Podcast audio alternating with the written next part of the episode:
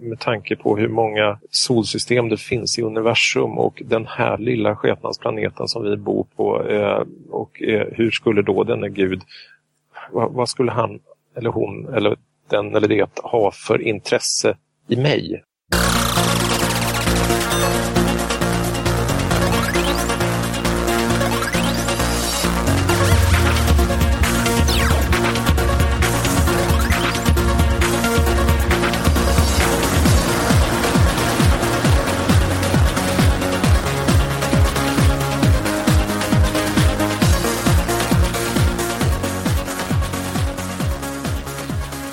Välkommen till avsnitt 48 av podcasten Mellan svart och vitt med den skeptiska treoenigheten som idag består av mig Dragan. Mig Thomas.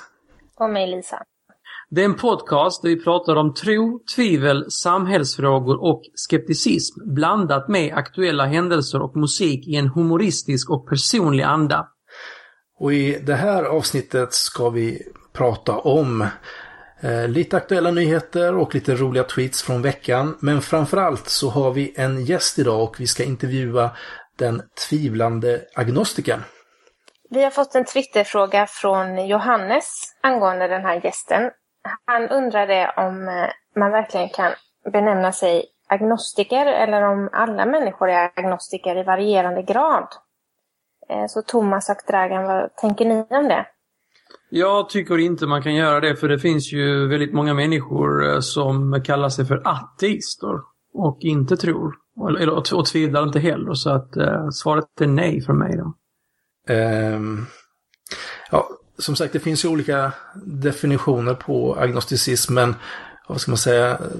Om man ska säga den, eh, den vetenskapsteoretiska då att om man verkligen kan veta att det finns en gud eller om man inte kan veta, veta att det finns en gud så så är det väl många då som eh, de flesta, precis som man säger här, som egentligen betecknas som agnostiker om man skulle, om man skulle liksom eh, få, få fundera över den frågeställningen.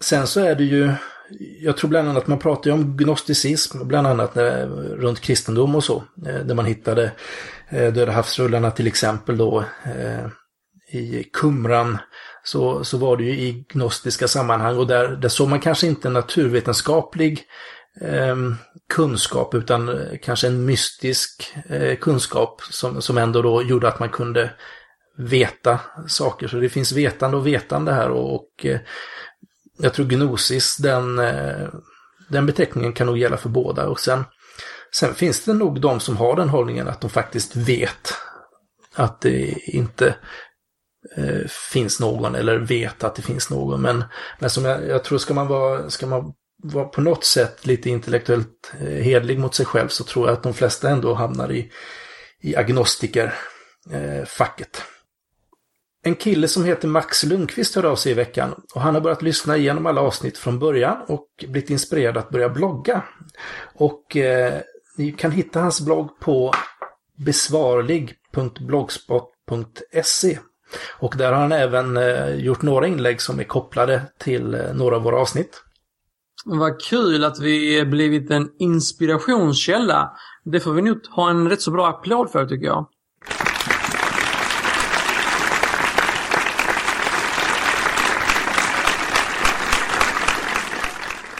Eh, det känns som det där var välförtjänt. Ja, det kändes gott. Verkligen. Verkligen. Äntligen. Så då är det dags för veckans händelser. Eh, ja, det har ju varit ett par eh, debattartiklar sista veckan här eh, som eh, har väckt ganska mycket känslor och gensvar. Den ena var, jag läste den i dagen i alla fall och handlar om att det borde vara 12-årsgräns på religion. En annan var i Svenska Dagbladet idag där Tuve Skånberg eh, skrev om ateister på ett sätt som eh, kunde uppfattas som att han jämförde dem med tondöva och sa att eh, ateister kan inte känna och uppleva Gud. Men en tondöv kan ju heller inte uppleva och känna musik.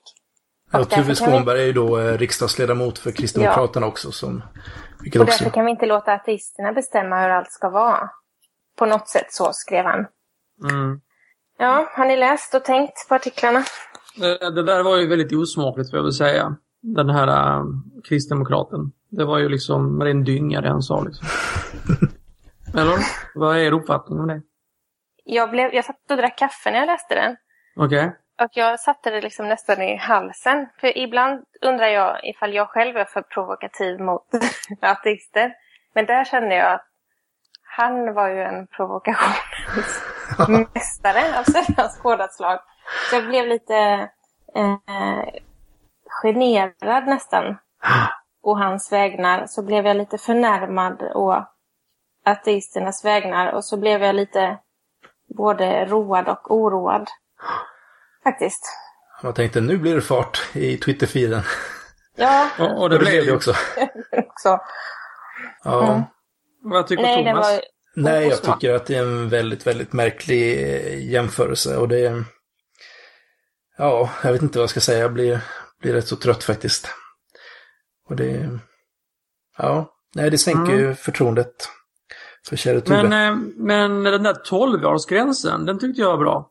Ja, det var ju Margot Ingvarsson, hette ju hon som eh, skrev det. Och eh, jag tror bakgrunden till att hon började tänka på det, det var ju det här hemska Boråsfallet där de här lite afrikansk kristna voodoo-folket höll på med de här eh, djävulsutdrivningarna. Och eh, jag tycker man kan ju förstå den hållningen att man inte vill att barn ska utsättas för eh, viss typ av religiös påverkan. Och eh, jag tror att eh, vår gäst eh, som vi ska prata med här lite senare har också en del sådana erfarenheter som han hade önskat att han inte hade varit med om. Sen är det ju väldigt, väldigt svårt att genomföra det här i praktiken. För att på något sätt så, så måste man ju eh, som familj som, som då är, kanske då är troende och sånt så så det naturliga är ju att följa med sina föräldrar eller att dela det sammanhang man finns i. Men däremot så ska man väl vara rätt så försiktig tycker jag som förälder vad man egentligen släpper iväg sina barn på. Jag skulle ju inte släppa iväg mina barn på ett eh, läger till exempel där, där jag inte visste vad de skulle utsättas för. Ska jag tolka ditt extremt långa svar som att det, det inte var någon bra idé med en 12-årsgräns? Jag tror det, det är helt eh, omöjligt att genomföra, men däremot så tror jag att Alltså det, det, är ett sätt att väcka debatt och det är en viktig diskussion tror jag som man kan föra runt, alltså kring just det här med, med vad man ska utsätta barn för. Mm. Säger du Lisa? Jag, för, jag förstår hennes eh, hållning, vad hon är ute efter att skydda barn. Men jag känner att det är helt omöjligt för föräldrar i hela världen kommer alltid att vilja ge barnen det de själva ser som det mest värdefulla i sitt liv, det de själva ser som sanning. Det kommer de alltid dela. Och religiöst utövande kan vara så mycket. Det kan vara vad man säger, vad man tror på, vad, eh, hur man lever, att gå till kyrkan, att be. Eh, så föräldrar kommer alltid påverka sina barn. Och det viktiga är ju att alltså, ha öppet samhälle och mycket dialog kring vad som sker. Och att inte låta människor inom lyckta dörrar begå, begå övergrepp. Liksom. Eh, jag vill gärna fortsätta prata om det i ett annat avsnitt. Mm. Eh, för jag tycker, jag skulle vilja prata lite mer om det vad innebär att ha ett sekulärt samhälle. Mm. Eh, och vad en god sekularism egentligen kan vara och hur mm. man kan se på begreppen. Så jag återkommer gärna. Och vi kan ju dyka tillbaka, vi kanske gör lite tillbakablick här på tidigare avsnitt. Då, för vi har pratat, vi hade med Anders Hesselbom i ett rätt tidigt avsnitt vet jag, pratade om sekulära samhället. Och vi har ju mm. även pratat lite om det här med, jag tror vi har ett avsnitt som heter Gud som haver barnen kär. Där vi pratade lite om mm. det här med, med uppfostran och Som vi fick barn. bra kritik för också. Bra det fick vi. Mm. Ja, det minns inte jag, men det var ju kul. Det är jag.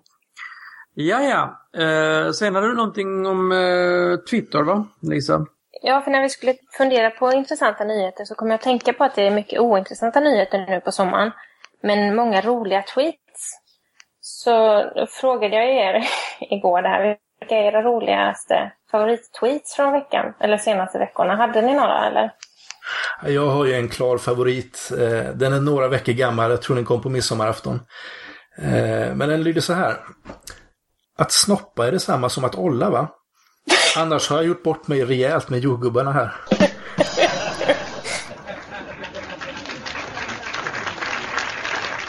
Och det var Pierre Mattisson, eh, tror jag, lite, jag tror han är lite stand-upare i Halmstad-trakten eller så som skrev den. Och det nästan det, det, som var ännu roligare var att jag, jag retweetade den och sen fick jag ett tack från Torps campinghjältar.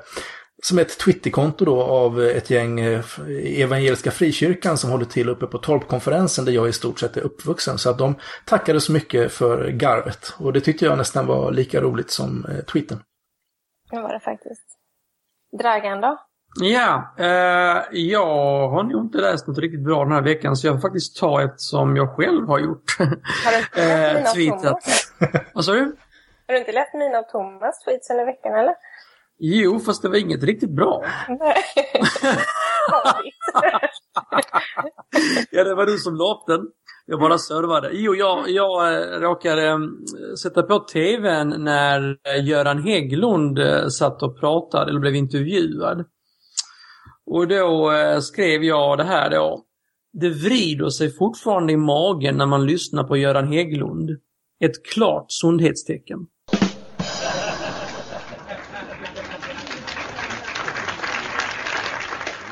Ja, den var kul. Något. jag, tyck, jag tyckte den var jävligt bra. okay. I alla fall favoritmarkerad av en person. Det är ju bra. uh, Lisa då? Ja, jag, jag älskar Göran Hägglund. Det säger det gör partiet, så jag är så förtjust i honom. Men han är ju rolig. Jag vet, ja, det finns en historia om eh, efter Alliansen hade vunnit valet första gången.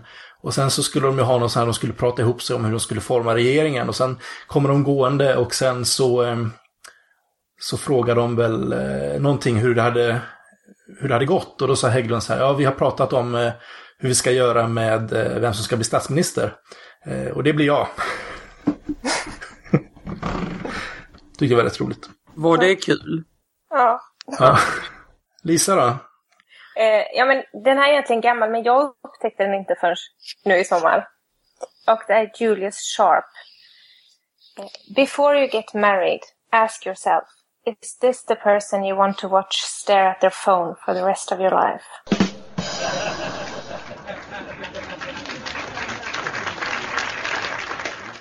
Ja, den är bra. För sent för dig och mig, Thomas. Det är för sent. för någon annan att tänka på. Eller för sent för min fru snarare. Ja, Kanske. för min man. Vi får väl se. Jag, jag har inte vi, har mycket... vi har olika humor hör jag här. Sen tycker jag du ska få en stor eloge tycker jag Lisa för att jag tycker du har skrivit en av de bästa twittarna här under veckan också. Och eh, du skriver så här. Eh, när jag föddes hade bara 30 år gått sedan andra världskrigets slut. Lika nära i tid som Främling och Star Wars för ett barn som föds idag. Ja, okej, okay, det var faktiskt rätt fyndigt, får jag säga. För det är lite svindlande. Faktiskt. Mm, det är otäck på flera sätt. Mm. För man nu tänker vet man ju, att nu det är vet man ju väldigt lång exakt tid. hur gammal du är.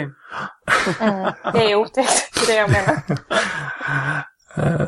Fast det berättade du faktiskt även eh, när du introducerades hur gammal du var, tror jag. Absolut. Om det inte blir bortklippt. Men, då är det dags för oss att gå vidare till vårt huvudämne.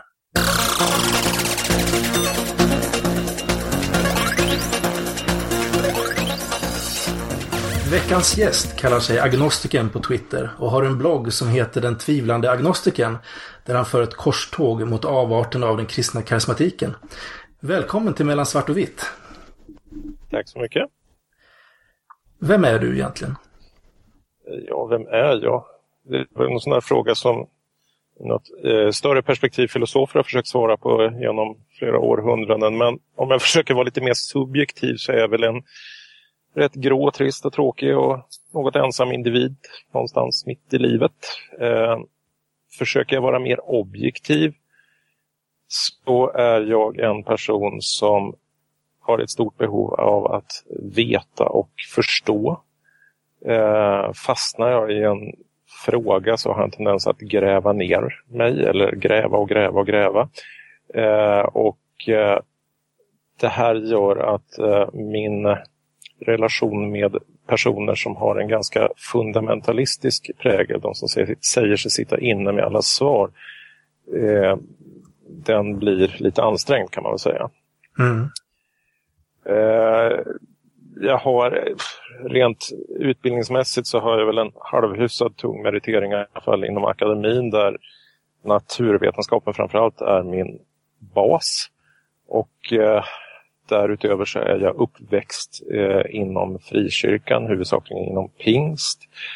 Eh, och då är den här viljan att veta och förstå eh, ett eh, naturvetenskapligt intresse eh, i en tämligen kreationistiskt präglad församling någonting som var inte helt friktionsfritt om man säger så.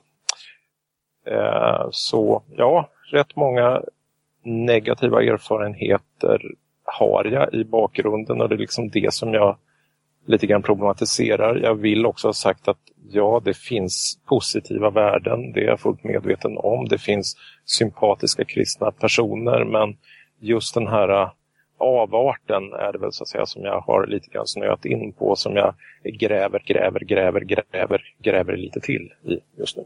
Mm. Hur tidigt kände du eh, de här bitarna att din som säga, kunskapstörst eh, och ditt intresse för naturvetenskapen gick stick i stäv med det som fanns runt omkring dig? Alltså det, det var nog i samband med jag kan säga någonstans under högstadietiden som det blev mer accentuerat och då blev även pingstengagemanget också mer accentuerat. Det var då som liksom det, det här började ja, divergera ganska ordentligt. Eh, först och främst så ville jag försöka veta och förstå vad innebar kristendomen så att säga och vad, liksom, vad innebar det här med att vara frälst. Och eh, varför säger du si och vad menar du när du säger så?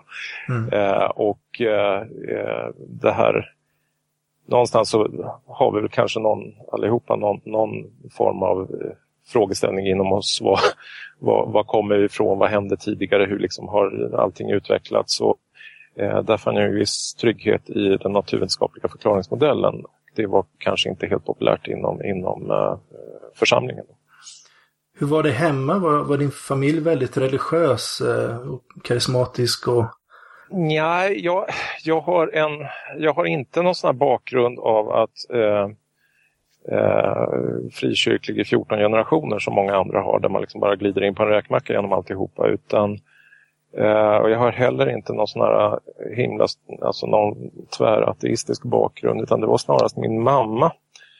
Vilket är intressant i sammanhanget att hon i sin ungdom hade väldigt mycket negativa erfarenheter från också faktiskt en pingstförsamling. Eh, och eh, hon behöll en tro eh, men ville inte befatta sig med kyrkan, var livrädd att gå i närheten av en kyrka. Men av någon anledning så placerade hon mig i alla församlingars barn- och ungdomsverksamheter redan från koltåldern. Eh, med någon form av argument att eh, men det var i alla fall schyssta kompisar och eh, fanns jag i den miljön så skulle jag inte bli knarkare. ja, eh, det fanns risk så, för det eller? Nej, det fanns ingen eh, risk. Kanske. Ja, det vet man ju naturligtvis aldrig. Men jag, jag, det, det, var väl lite grann argumenten att, jag, eh, att, jag, att det kändes som en trygg miljö för henne att placera mig i. Va? Och då var det väl så att jag blev Eh, jag blev ju kvar framförallt inom pingst så att säga. För det var, jag fick kompisar där och eh, det rullade på under eh, ska säga, låg och mellanstadietiden och jag hade någon form av enkel, simpel barnatro. Det, det, liksom, det var inte mer komplicerat än att Gud var en farbror med skägg som satt på ett moln. Mm. Eh, och eh, sen så började tryckas på lite grann för det var inte tillräckligt utan du måste bli frälst. Ja, men varför då? Eh, jo, för du måste bli frälst, annars så kommer du inte till himlen och så vidare. Va? Eh, så att den där argumentationen och trycket på att jag måste bli frälst. Parallellt med det här så har, alltså då, då, då försöker jag ändå, det var min mamma som hade placerat mig där och hon ville inte gå i närheten av en kyrka för att hon var livrädd för att Eh, någon skulle överfalla henne, trycka ner henne på botbänken och be henne bekänna sina synder. Mm. Och jag förklarade snällt och vänligt att det kommer inte att hända, kan inte du följa med någon gång, det skulle kännas lite trevligare. Och när jag var 14 år, då var det liksom den mest obehagliga upplevelse jag någonsin har haft, för då hände just detta. Det var på ett tältmöte där jag blev personligen, det var en ungdomspastor som såg chansen att eh, nu minsann kommer du inte undan längre, nu är det slut på friåkandet, nu ska du bli frälst. Och eh, jag blev nedtryckt. Skulle teoretiskt sett kunna ha gått därifrån men i vissa situationer så gör man det bara inte. Utan eh, jag fick tunga händer på ryggen och eh, det bad och bönades och eh, säg efter mig, eh, jag tar emot dig Jesus som min frälsare, jag bekänner mina synder, eh, jag bekänner dig som min Herre och Mästare och så vidare. Och trycket av alla händer upphör, alla blir glada. Och den här liksom, det här glidandet, det jag började tappa i någon form av social gemenskap precis innan, det, menar, det kom tillbaka. Liksom, och det är en väldigt surrealistisk upplevelse. Liksom, för att, menar, då, då, fanns motivet att finnas kvar i miljön ett tag till. Då, alltså. ja. okay. Så du blir i princip eh, tvingad ja, till jag, frälsning? Ja, eh, nu kan man inte säga eh, det där kanske inte var en äkta frälsningsupplevelse. Det är jag fullt medveten om. och det är synd att kalla det för tvångsfrälst för det låter lite motsägelsefullt men det är kanske någonting ditåt. Men samtidigt så försökte jag. Alltså det var inte så att jag, var liksom, jag, jag bara gillade läget utan jag försökte. Det, det ska gudarna veta att de uttrycket tillåts. Alltså. Men hur kände du när du gick hem den kvällen? Eh, alltså det, det, det, det, är, alltså det, det är ju liksom ett minne som jag har kvar fortfarande. Och liksom det, det, är en av de starkaste minnen jag har från egentligen hela uppväxten. Det är just den där kvällen. Och och det, det, är verkligen en surrealistisk känsla, just den där att eh, jag har, även om jag kanske inte riktigt var medveten om det, jag har blivit utsatt för någonting som jag inte ville.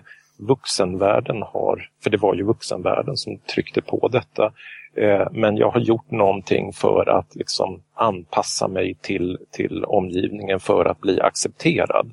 Och eh, någon, nu vet jag inte hur mycket min personlighet redan från början fanns, men just det där att bli tvingad att göra någonting för att behaga, det, det är liksom inte riktigt någonting som ligger för mig. Ångrar du nu så här i efterhand att Alltså skulle du handlat på ett annat sätt? Önskar du så här efterhand eller?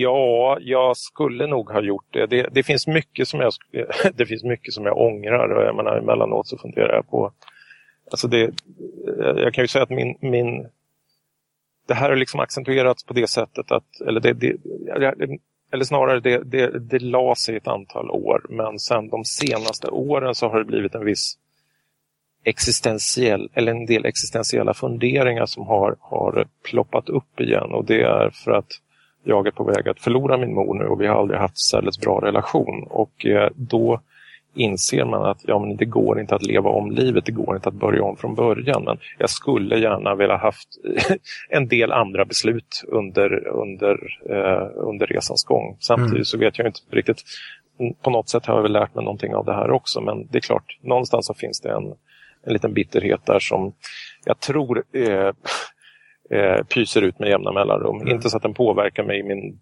dagliga vardag så att jag eh, inte klarar av någonting. Men det, det finns en viss, eh, en viss besvikelse. Det är väl lite grann därför också som jag tycker att den här debatten som har varit på sistone som jag lite grann engagerar, engagerar mig i. Att det, det, skulle se schysst ut om en del frikyrkliga företrädare eh, faktiskt bad om ursäkt oförbehållsamt mot alla de som de på något sätt har om vi nu vill använda ordet kränkt eller eh, eh, farit illa med på något mm. sätt.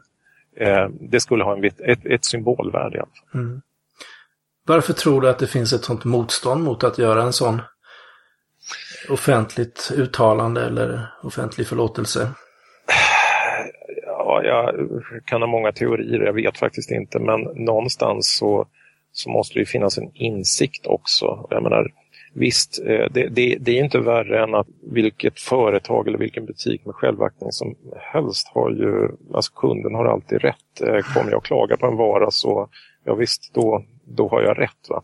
Eh, men jag tror att den här insikten i att vi, vi, alltså om man nu säger frikyrkan eller kyrkan har eh, kanske inte riktigt lyckats med allting och eh, kanske har varit lite väl hårda mot en del personer.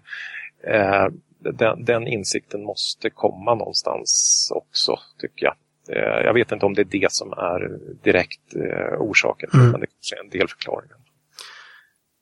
Eh, du har ju en blogg som du har varit aktiv med ett tag. Ja. Som då heter Den tvivlande agnostiken. Hur kom det sig att du började blogga?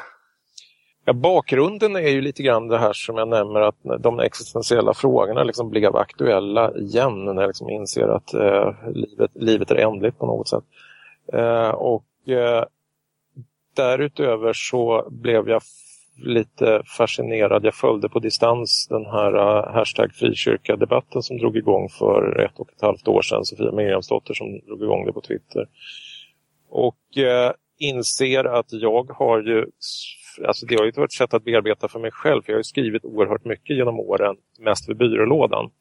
Eh, sånt där som utan haft något syfte egentligen att det här ska ingen läsa eller kanske någon ska läsa men det kan de få läsa långt senare eh, eller så. Eh, och eh, nu tyckte jag att det var långt senare och ja, men jag provar och slänger ut det här på en blogg och ser om det är någon som läser det och kanske reagerar. Och eh, eh, Märkligt nog så är det faktiskt väldigt många som har, har varit inne och läst där. Så att, eh, och det har väl slagit an någon form av ton någonstans i en del av frikyrkligheten i alla fall. Mm. Känner du att det har hjälpt dig på något sätt? Eh. Ja, på, eh, nu har jag ju så att säga återanvänt gamla texter, moderniserat dem och skrivit om dem lite grann. Så att säga. Så att, eh, däremot, jag kan ju, det, det som jag bär med mig som gamla upplevelser, de, de finns ju där. Eh, men att sätta sig och läsa igenom detta på nytt och eh, skriva om det, problematisera det, det är en bearbetning. Eh, så det, det, är helt klart en hjälp. Plus att jag tvingar mig själv till att faktiskt vända en spegel mot mig själv också. Vad, vad, vad menar jag med det här? Vad, hur, hur tänker jag egentligen? Så att, eh, på ett sätt så finns det väl åtminstone några, jag kan inte specifikt peka ut dem, men det finns väl åtminstone några eh, frågetecken som inte kanske blivit utropstecken, men lite mindre frågetecken. De något rakare, en lätt kurvatur på. Är det också så att du har kommit i kontakt med andra som har haft liknande upplevelser som du har haft?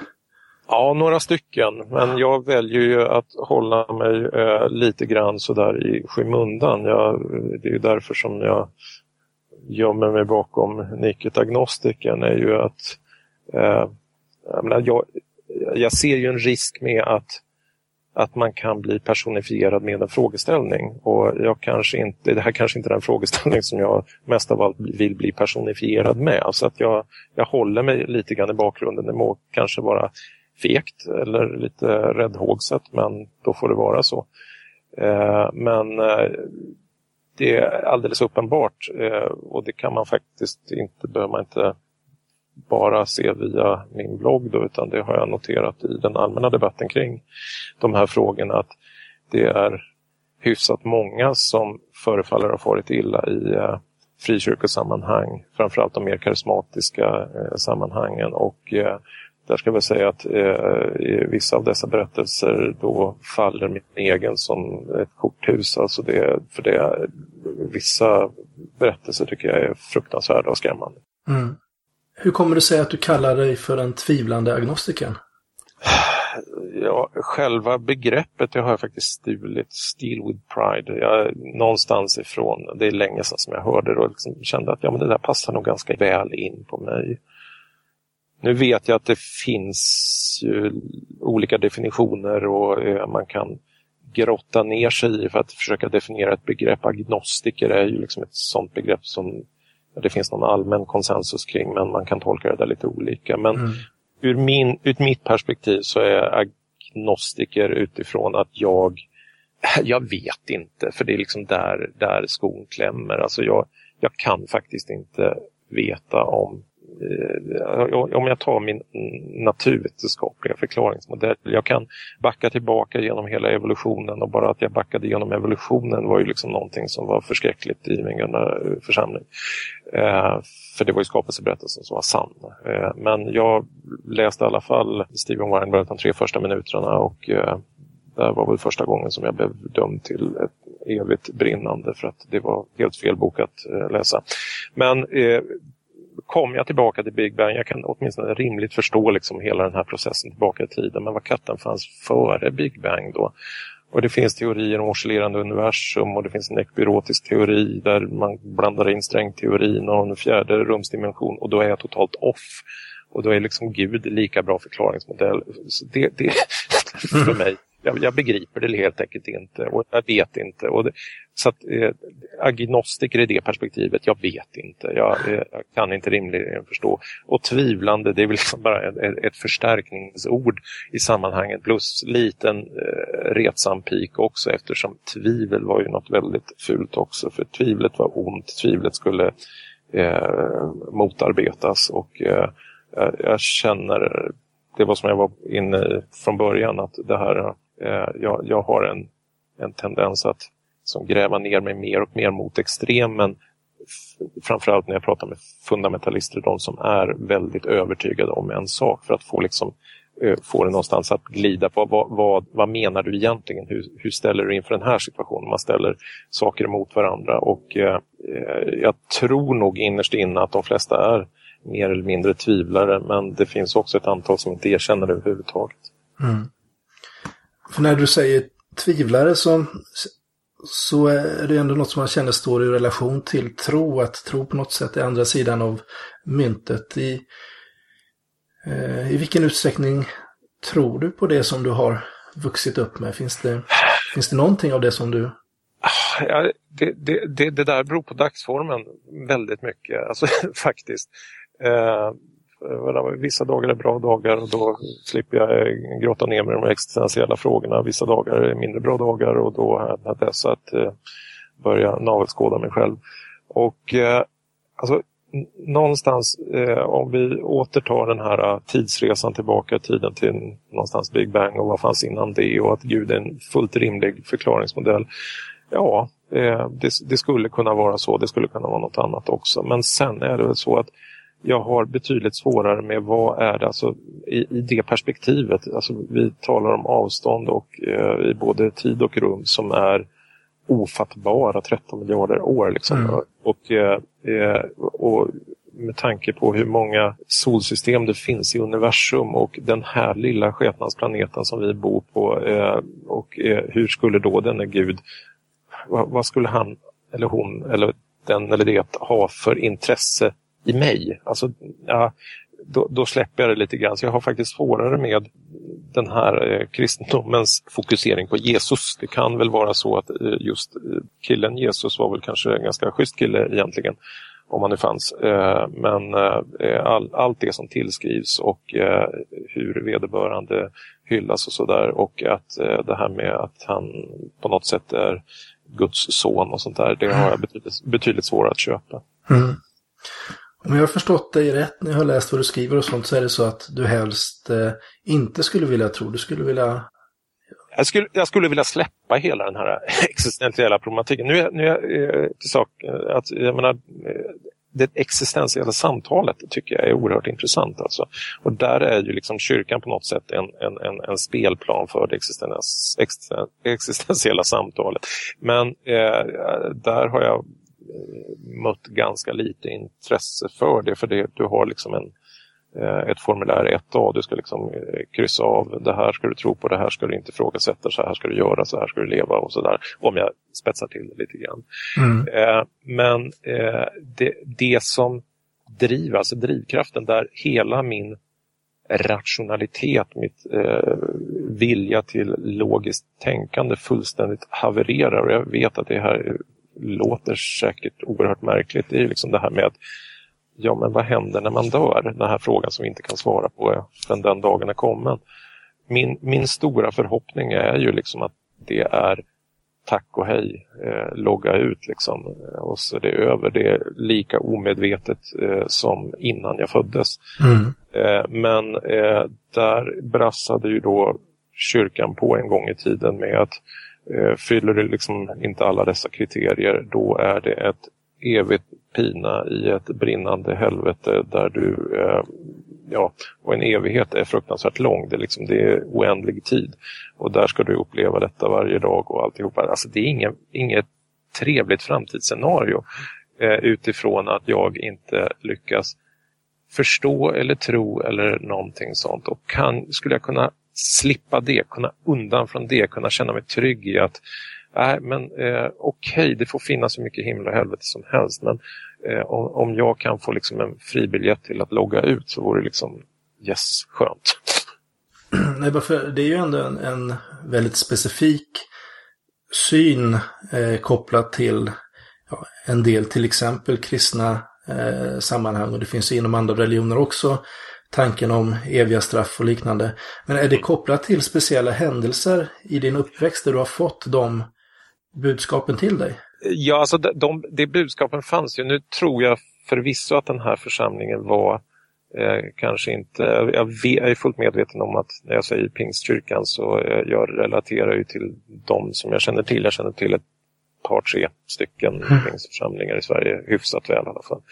Och eh, den här församlingen hade en period som man var ganska extrema och det predikades väldigt mycket om detta helvete och det varnades för och det var, eh, det var väldigt eh, Alltså un undervisningen för ungdomsgrupperna var liksom inriktad på alla dessa hemska synder som man kunde begå i världen. Allt från att dricka alkohol till att dansa till att titta på en kvinna med eh, eh ja, begär i blicken och sånt där. Alltså det, det, det, allt sånt där var ju på något sätt, eh, det, då kvalificerar man ju sig till. Och, eh, eftersom jag var lite ifrågasättande och eh, lite grann av en udda fågel, katten hermelina i vissa avseenden. Framförallt i och med att jag då eh, ångade på mig mitt eh, naturvetenskapliga intresse. Till saken hör att det här var en ort där det inte fanns sådär jättemycket studietradition. Eh, så att, eh, och, eh, så församlingen hade man en inriktning på att man ska inte studera vidare efter gymnasiet. Man ska väl eh, man, möjligen gå ett år på bibelskola. Det var liksom fullt tillräckligt för att all tid måste liksom satsas på att vinna människor för Jesus och ut och evangelisera och hålla inte på släng bort ditt liv på att hålla på och studera. Medan jag var väldigt studiemotiverad och jag dessutom intresserad av naturvetenskap. Så att, eh, det, det, det, den här eh, argumentet att gör du inte om, du inte, om du fortsätter på den här då kommer du minsann att få brinna och sådär. Det, det, det fanns. Det mm. fanns predikningar, det fanns som personliga varningar och sånt också. Nej, för jag, känner mig väldigt mycket igen mig i, i din hållning. Eh, jag skulle nog också beteckna mig som en tvivlande agnostiker och vill gärna, vill gärna liksom inte göra avkall på förnuftet och min naturvetenskapliga hållning och, och så. Men någonstans ändå så skulle jag gärna vilja tro att få ihop det. Eh, och jag känner inte den här rädslan för ett evigt straff. Kanske jag borde göra, men eh, jag gör inte det. Och det kan tänka mig att det bland annat handlar om att vi har, även om jag också har vuxit upp i en frikyrkomiljö så här att, att den eh, kanske har varit lite annorlunda då än din. Eh, jag har inte blivit påtvingad något frälsningsupplevelse så. Eh, och jag var väl i stort sett, vi var bara ett par stycken i ungdomsgruppen hemma.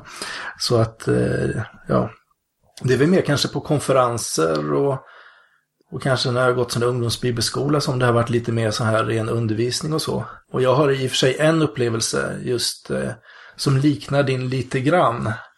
Eh, just där jag, jag har ju aldrig attraherats egentligen av karismatiken och tungotal och den typen av saker. Men det var en konferens där jag någonstans ändå kände att, att ja, det kanske är sant. Det här är kanske någonting som, som eh, jag egentligen borde söka. Eh, gick fram för förbön för att bli andedöpt då. Fast jag egentligen rent eh, teoretiskt tyckte att jag, i och med att jag var kristen så borde jag ju också vara, ha den heliga ande. Eh, men eh, det hände ju ingenting. Det kom ju inget tungotal och då på något sätt så, så sa jag ändå att jag hade blivit andedöpt och att jag liksom tog det i tro. Mm. Men det mådde jag ju dåligt efter, för jag kände på något sätt att jag hade gjort våld på mig själv eftersom Eh, jag hade ju inte blivit andedöpt eller vad man ska säga in, på det sättet som det förväntades i alla fall. Jag, jag inbillar mig att det kanske är någonting som även fler som eh, har... Eh, jag, jag, tror till exempel tungotal som är, någonting som jag har väldigt svårt för. Eh, dels själva idén och tanken men, och dessa, detta tungotalssårlande det, liksom, det, det väcker väldigt mycket negativa känslor i mig. Mm. Men jag tror ju att eh, en hel del av de som ägnar sig åt detta eh, gör det på något sätt för att eh, anpassa sig till, till omgivningen och mm. det kanske inte är så ja, någonstans är det väl inte alldeles genomtänkt oärligt men det kanske inte är riktigt helt rätt heller. Men du sökte dig inte till andra kristna sammanhang som inte var lika karismatiskt präglade då? Jo, eh, jag eh, så småningom så att säga, jag lämnade ju den här orten och eh, började vid universitetet och då kan jag säga att det var ju en av de största förvåningarna när jag, liksom, jag träffade på folk som pluggade på universitetet som var kristna. Jag fick det inte att gå ihop. Ja, vänta nu, ska jag inte nu ut och vinna människor liksom. Men eh, det fanns det tydligen och eh, jag hade en tid eh, inom, eh, jag var med lite på ett hörn för någonstans så hade jag den här tron eller tvivlet eller jag kunde inte riktigt hantera det men eh, det var eh, Missionsförbundet så där har jag viss erfarenhet av också. Eh, allt ändå så är det ju så att jag, har, jag ställer kanske lite för mycket frågor ibland. Eh, jag försöker vilja veta, gräva ner mig och eh, eh, jag lämnade det också så småningom. Sen är det ju så att jag menar, det finns ju genom familjeband och liknande kopplingar till frikyrkan så att jag blir liksom inte riktigt av med frikyrkan även om jag skulle vilja på något sätt. Eller med mindre än att jag då för det är väl egentligen de, de enda tyngre relationer som jag har. Eh, de, där, där finns det liksom frikyrkokopplingar och då, då, då, blir det ganska naturligt att jag håller mig hyfsat väl ajour med vad som sker. Och det är mm. liksom inte riktigt att jag känner att, att jag skulle, känner att jag skulle känna mig hemma eh, så länge som det är det, det, finns ett krav på det här frälsningskravet. Mm. Däremot så uppskattar jag kyrkan för, liksom, ursäkta uttrycket, men som social uppehållsplats. Alltså för det är mm. just det här äh, att, att, kunna finnas med där utan att vara på gudstjänster men att vara liksom accepterad i alla fall. Det är någonting jag gärna skulle önska på något sätt. Jag funderar på det, har du någon gång eh, under din, din tid här upplevt att du haft en personlig relation till Gud eller till Jesus? Eller? Jag, jag, jag, har ju försökt eh, och jag, jag höll på att be och försökte bli andedöpt också för det var, jag menar, när, när jag en gång blev frälst i den här traumatiska upplevelsen så menar, det var ju liksom en karensperiod men sen kom ju liksom nästa krav det att jag skulle bli döpt och andedöpt också. Mm. Och, eh, så det där återupprepas. Liksom. Men jag fick liksom aldrig till det där med eh, tungotalet och andedopet och jag liksom började ifrågasätta vad håller jag på med egentligen det här är liksom inte klokt. Eh, så att eh, jag kan inte säga att jag har någon sån där upplevelse. Mm. Eh, samtidigt är det så att jag är ju, eller försöker i alla fall inbilla mig att jag är så vansinnigt rationell i vissa avseenden så att jag placerar känslan åt sidan och försöker förklara det där. Va? Sen lyckas jag inte så bra med det, men det är en annan sak. Mm. Som sagt, du skulle gärna vilja släppa de här existentiella bitarna. Vad, vad tror du skulle kunna få dig att, att sluta Tror. Jag tror, tror ärligt talat inte att det, eh, det skulle gå.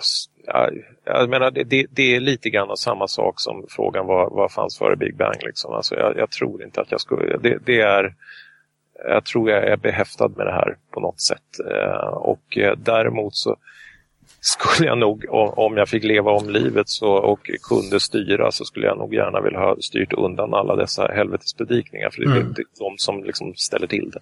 För nu är du väldigt präglad av den bilden. Det skulle ja. kunna vara så att, jag menar, skulle du varit född i Indien då kanske du var präglad av att du skulle, din dåliga karma skulle gjort att du skulle blivit återvänd som en sköldpadda eller något. Ja. Vad är det som är så dåligt med sköldpaddor? Nej, det är väl inte så dåligt men det känns ju som att det kanske var ett steg ner. Jag vet inte, det kanske är ett steg upp. Det kanske är steget innan Nirvana. Vad vet jag? Precis. De, de lever i alla fall väldigt länge. Ja, precis. Det var det jag tänkte på också. Ja, är det någonting mer som du skulle vilja berätta om din historia här eller så? Tänkte att vi skulle släppa in Lisa och Dragan lite sen, men det kanske... Jag tycker att jag har pratat så mycket redan så att eh, jag får släppa in dem. Ja. jag har lite frågor här. Eh, du, sa att, eh, du sa att du ältar en del. Eh, ja. Jag ältade väldigt mycket när jag var yngre. Eh, det har avtagit med åldern. Hur har det varit med dig och ältandet genom åren? Jag tror att ältandet har blivit mer konstruktivt. Eh, jag är helt övertygad om att vi behöver älta saker och ting. Någonstans så har jag någon amatörpsykologisk analys av att hör jag mig själv säga samma sak tillräckligt många gånger så jag blir trött på mig själv att höra det Eh, då, då är problemet ur världen på något sätt. Eh, jag tror inte det är riktigt så enkelt i verkligheten men eh, mitt ältande som var mer tidigare av varför skulle jag drabbas, när jag liksom insett att men, så, så var det. Hur ska jag kunna hantera detta. Det är, liksom, det, det är en mer konstruktiv prägel. Jag visste inte att du ältade så mycket när du var yngre, Dragan. Vad ältade du då Jo, något? jag, jag ältade väldigt mycket när jag var yngre. Ja, det var ju allt möjligt. Existentiella frågor också?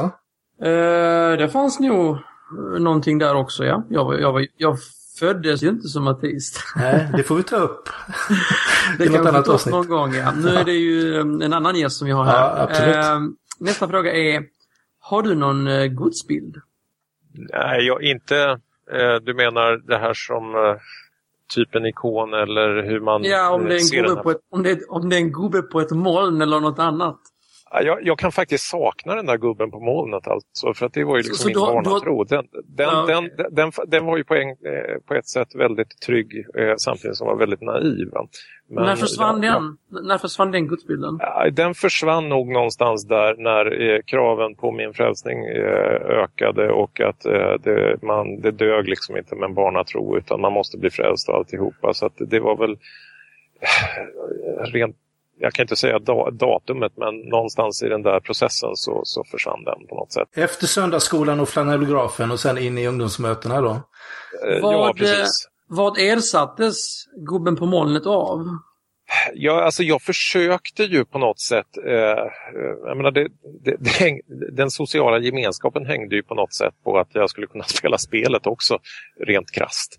Eh, men jag försökte ju liksom för att eh, etablera någon form av liknande gudsbild och eh, jag, jag skulle till och med kunna säga att det var liksom ingen gudsbild utan var mer en Jesusbild för det var liksom, det pratades sällan om Gud, det pratades bara om Jesus. Det stod Jesus överallt på talarstolen och det var Jesus man älskade och allt sånt där. Så att, eh, Fast Jesus det, är ju Gud. Eller en Ja. av dem jo, jo, precis. Så, att, eh, så, så det kan man förstå. Men det, det var nog närmast där jag försökte etablera men jag, jag lyckades nog inte riktigt. Okej, så du, man kan väl säga att du ser Jesus som Gud? I dagsläget? Eh, Eller nej, den eventuella nej. som du Eh, kanske tror på?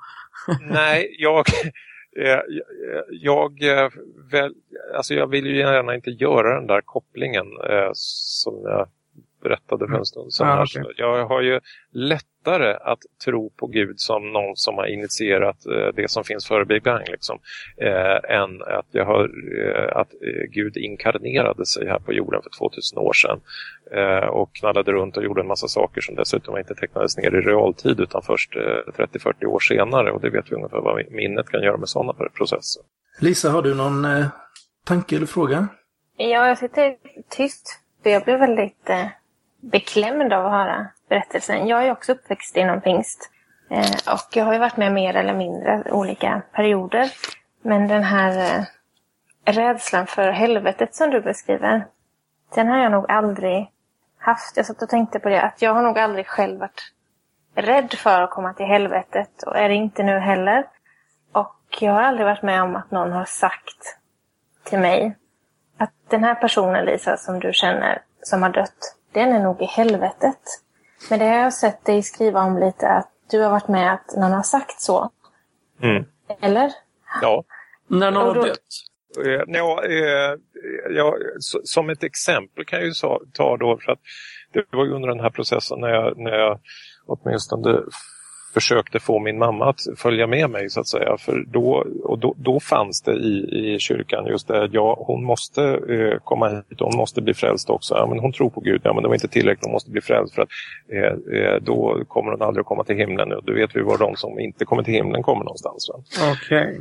Eh, och eh, jag kan också relatera till Eh, en stor eh, katastrof som inträffade för 19 år sedan, eh, Estonia, där jag eh, hörde en predikant säga att han visste ju, han var ju, det var ju så skönt att veta att det var ju då ett 20-30-tal eh, kristna som ombord som hade klarat sig och de var ju tryggt i himlen nu men var de andra var, det, det skulle vi ta varning för. Så att, eh, det, det, det, det förekommer alltså. Men, men de, de församlingarna du har så att säga varit med i, det känns ju som de utövar någon sorts liksom maktutövande som gjordes väldigt långt tillbaks i tiden. Ja, det är alltså eh, maktutövande. Det gör ju alla församlingar i viss mån kan jag väl tycka. Va? Men, eh, jag, jag, vill, vill, jag, vill jag ha sagt att det här, jag tror att det här var under en speciell period och det var en speciell församling. Eh, Och mm. sen har jag träffat på ett antal personer som, som, som på något sätt, alltså det finns någon form av liten snällhetsparadox inom kyrkan också att man kanske låter de här udda fåglarna som är överandliga få ett ganska stort utrymme för att de är ju trots allt kristna och de har ju någonstans budskapet när det kanske egentligen är någon form av eh, annan problematik bortom dem. Mm. Sen någonstans också så, det kan ju låta lite hemskt men eh, det finns säkert en och annan eh, både ungdomspastor och pastor som, som eh, ja, kanske har någon diagnos helt enkelt. Eh, det, det, det, det, kan det säkert eh, finnas. Det skulle inte vara omöjligt för det finns ju bland alla andra människor i samhället så varför skulle pastorsskrået vara förskonat? Sen får jag säga det också att Eh, alltså jag har en tendens eftersom jag fångar upp små saker och börjar fundera på dem där så att jag är helt övertygad om att det finns, eh, finns eh, alltså saker som jag kommer ihåg eh, någon person har sagt. Eh, det behöver den här personen inte ha kommit ihåg överhuvudtaget eller liksom inte komma ihåg tillfället eller kanske inte ens kommer ihåg mig. Va? Alltså man, man, eh, jag, jag har väl en lätt överkänslighet för att, att eh, eh, eh komma ihåg och relatera och reagera på saker. Så att mm. säga. Ganska lång tid. Så det är jag medveten om. Nej, men det jag tänker på där också, lite vad jag sa där om diagnos och så, det, det är ju att eh, vissa typer av beteenden och kanske frimodighet och eh, och även kanske känslomässighet och sånt där är ju någonting som kan, kan premieras väldigt mycket i karismatiska sammanhang. Mm. Men som kanske i andra sammanhang inte skulle varit eh, socialt accepterade då. Nej. Eh, och det kan ju bli väldigt fel. Mm. Så kan det vara. Jag hade en, en eh, sista fråga har om det här med evigheten. Du sa att du skulle vilja ha ett frikort gärna. För du har hört så mycket om hur himlen är och hur helvetet är. Så du skulle önska att du fick ett frikort, att det bara blev svart. Men om du har den här bilden av himlen, skulle du inte vilja ha ett frikort som sa att du kan tro på att alla kommer dit? Uh, ja, men hur kul är en evighet? Alltså fatta att den är väldigt lång. Uh, mm. jag menar, även om du har den mest underbara miljö omkring dig och du gör precis vad du vill på dagarna och det du är intresserad av eller kan grotta ner i precis vilken frågeställning som helst. Jag, menar, alltså det, jag, jag, jag är mer rädd för evigheten än för döden i sig. Eh, det är liksom det här, det som kommer efter som, som skrämmer mig. Eh, så att, eh, att kunna veta att den dagen det är slut, då är det verkligen slut över finito. Det, det skulle kännas tryggare på sätt och vis. Mm. Vi kanske ska sätta punkt här. Det känns som att vi får avrunda lite grann här, eller? Ja. Du får ha tack för att du delade med dig. Intressant att höra din historia och eh, som sagt, eh, adressen till din blogg får du gärna ta för er som vill läsa vidare. Ja, den är eh, den tvivlande agnostikern.wordpress.com. Och på Twitter heter du alltså agnostiken. Ja, precis. Då tackar vi så mycket. Ja, tack själva. Mm. Tack så mycket. Tack. Så, eh, jag tänkte att vi hoppar över eh, musikinslag idag. Eh, och För så... Thomas är ju inte förberedd, eller hur Thomas? Precis, jag är inte förberedd. Och eh, det blir ändå ett rätt så långt avsnitt idag. Utan eh, tänker att vi ska gå mot eh, lite slut eftersnack. Är det någon som har några tankar så här i slutet av avsnittet? Nej, jag tyckte det var en intressant gäst och eh, Absolut. bra avsnitt tror jag det blir också. Så att jag tror folk kommer att gilla det här. Vad tror du Lisa? Ja, det, det var ju ganska starkt och beklämmande. Ja. Eh, eftersom han beskrev övergrepp på något sätt. Så jag tyckte det var ganska starkt samtal. Mm. Nej, men det men. Har ni, har ni tänkt på det? Att det är väldigt mycket pingstfolk vi har alltså. Vi har till och med nu en, en, en av oss som är före detta pingst... Mm. Pingstbakgrund här alltså. Och jag har ju under en pingst. kort tid varit medlem i en pingstförsamling. Även om det var mer ja. av ja, äktenskapliga helt... skäl kanske. Helt otroligt. Pingst är väldigt stort. Alltså i Sverige och eh, globalt sett. Det kanske man inte, det är många som inte vet tror jag hur många pingstvänner det är i Sverige och världen egentligen. Ja, ja. Nu har inte det i huvudet men vi är många. Ja men vad kan det vara, en 80 000 någonting sånt där va? De var uppe i 100 000 men det har ju minskat de senaste. I Sverige? Ja. Mm. Ja okej, okay. de, är ju, de är ju färre än muslimerna då? Ja det är de nog. Ja. Eh, så många absolut, är de inte. det är klart de är. Sen, sen är det skillnad på, eh, alltså jag menar det här med praktiserande muslim och inte. Eh, jag tror om man skulle ja, räkna antalet kyrkobesökare och moskébesökare så tror jag eh, pingstvännerna vinner rätt så eh, stort faktiskt. Men sen tror jag att det beror på, dels beror det på att de är stora och sen dels tror jag också det beror på att man har en rätt så, man har en väldigt stark bibeltro, man har den här karismatiska biten och eh, jag, jag, tror väl att det är mycket i de här kretsarna där folk har ja, blivit brända eller besvikna eller så. Så att eh, jag vet inte, vi kommer säkert ha med andra från andra samfund och så också här framöver. Men eh, ja. Mm. Då också är det helt otroligt hur vi bara kan flamla iväg här. Nu får vi nu ta och avsluta det här programmet tycker jag. Okej, okay, gör det snabbt. Ja. Yeah. Ha det så bra allihopa! Hej då! Ha det bra, hej då! Och tack till Tobias Gustafsson som ska få äran att klippa ihop det här. Hej! Du har lyssnat på podcasten Mellan svart och vitt. En podcast som handlar om tro, tvivel, skepticism och humanism. Om du gillar oss så gå gärna in på iTunes och ge oss goda vitsord. Det värmer. Ta gärna kontakt med oss. Vi har Twitterkonto svart vitt för programmet. Och Thomas har Thomas Schoberg, Dragan har Draganist och Erik har Tant Erik. Gilla oss gärna på Facebook och och eh, vår hemsida hittas på mellansvartovitt.se och där kan man också kommentera de olika avsnitten. Och sist men inte minst så är vår jingel gjord av Dragans band The Lounge.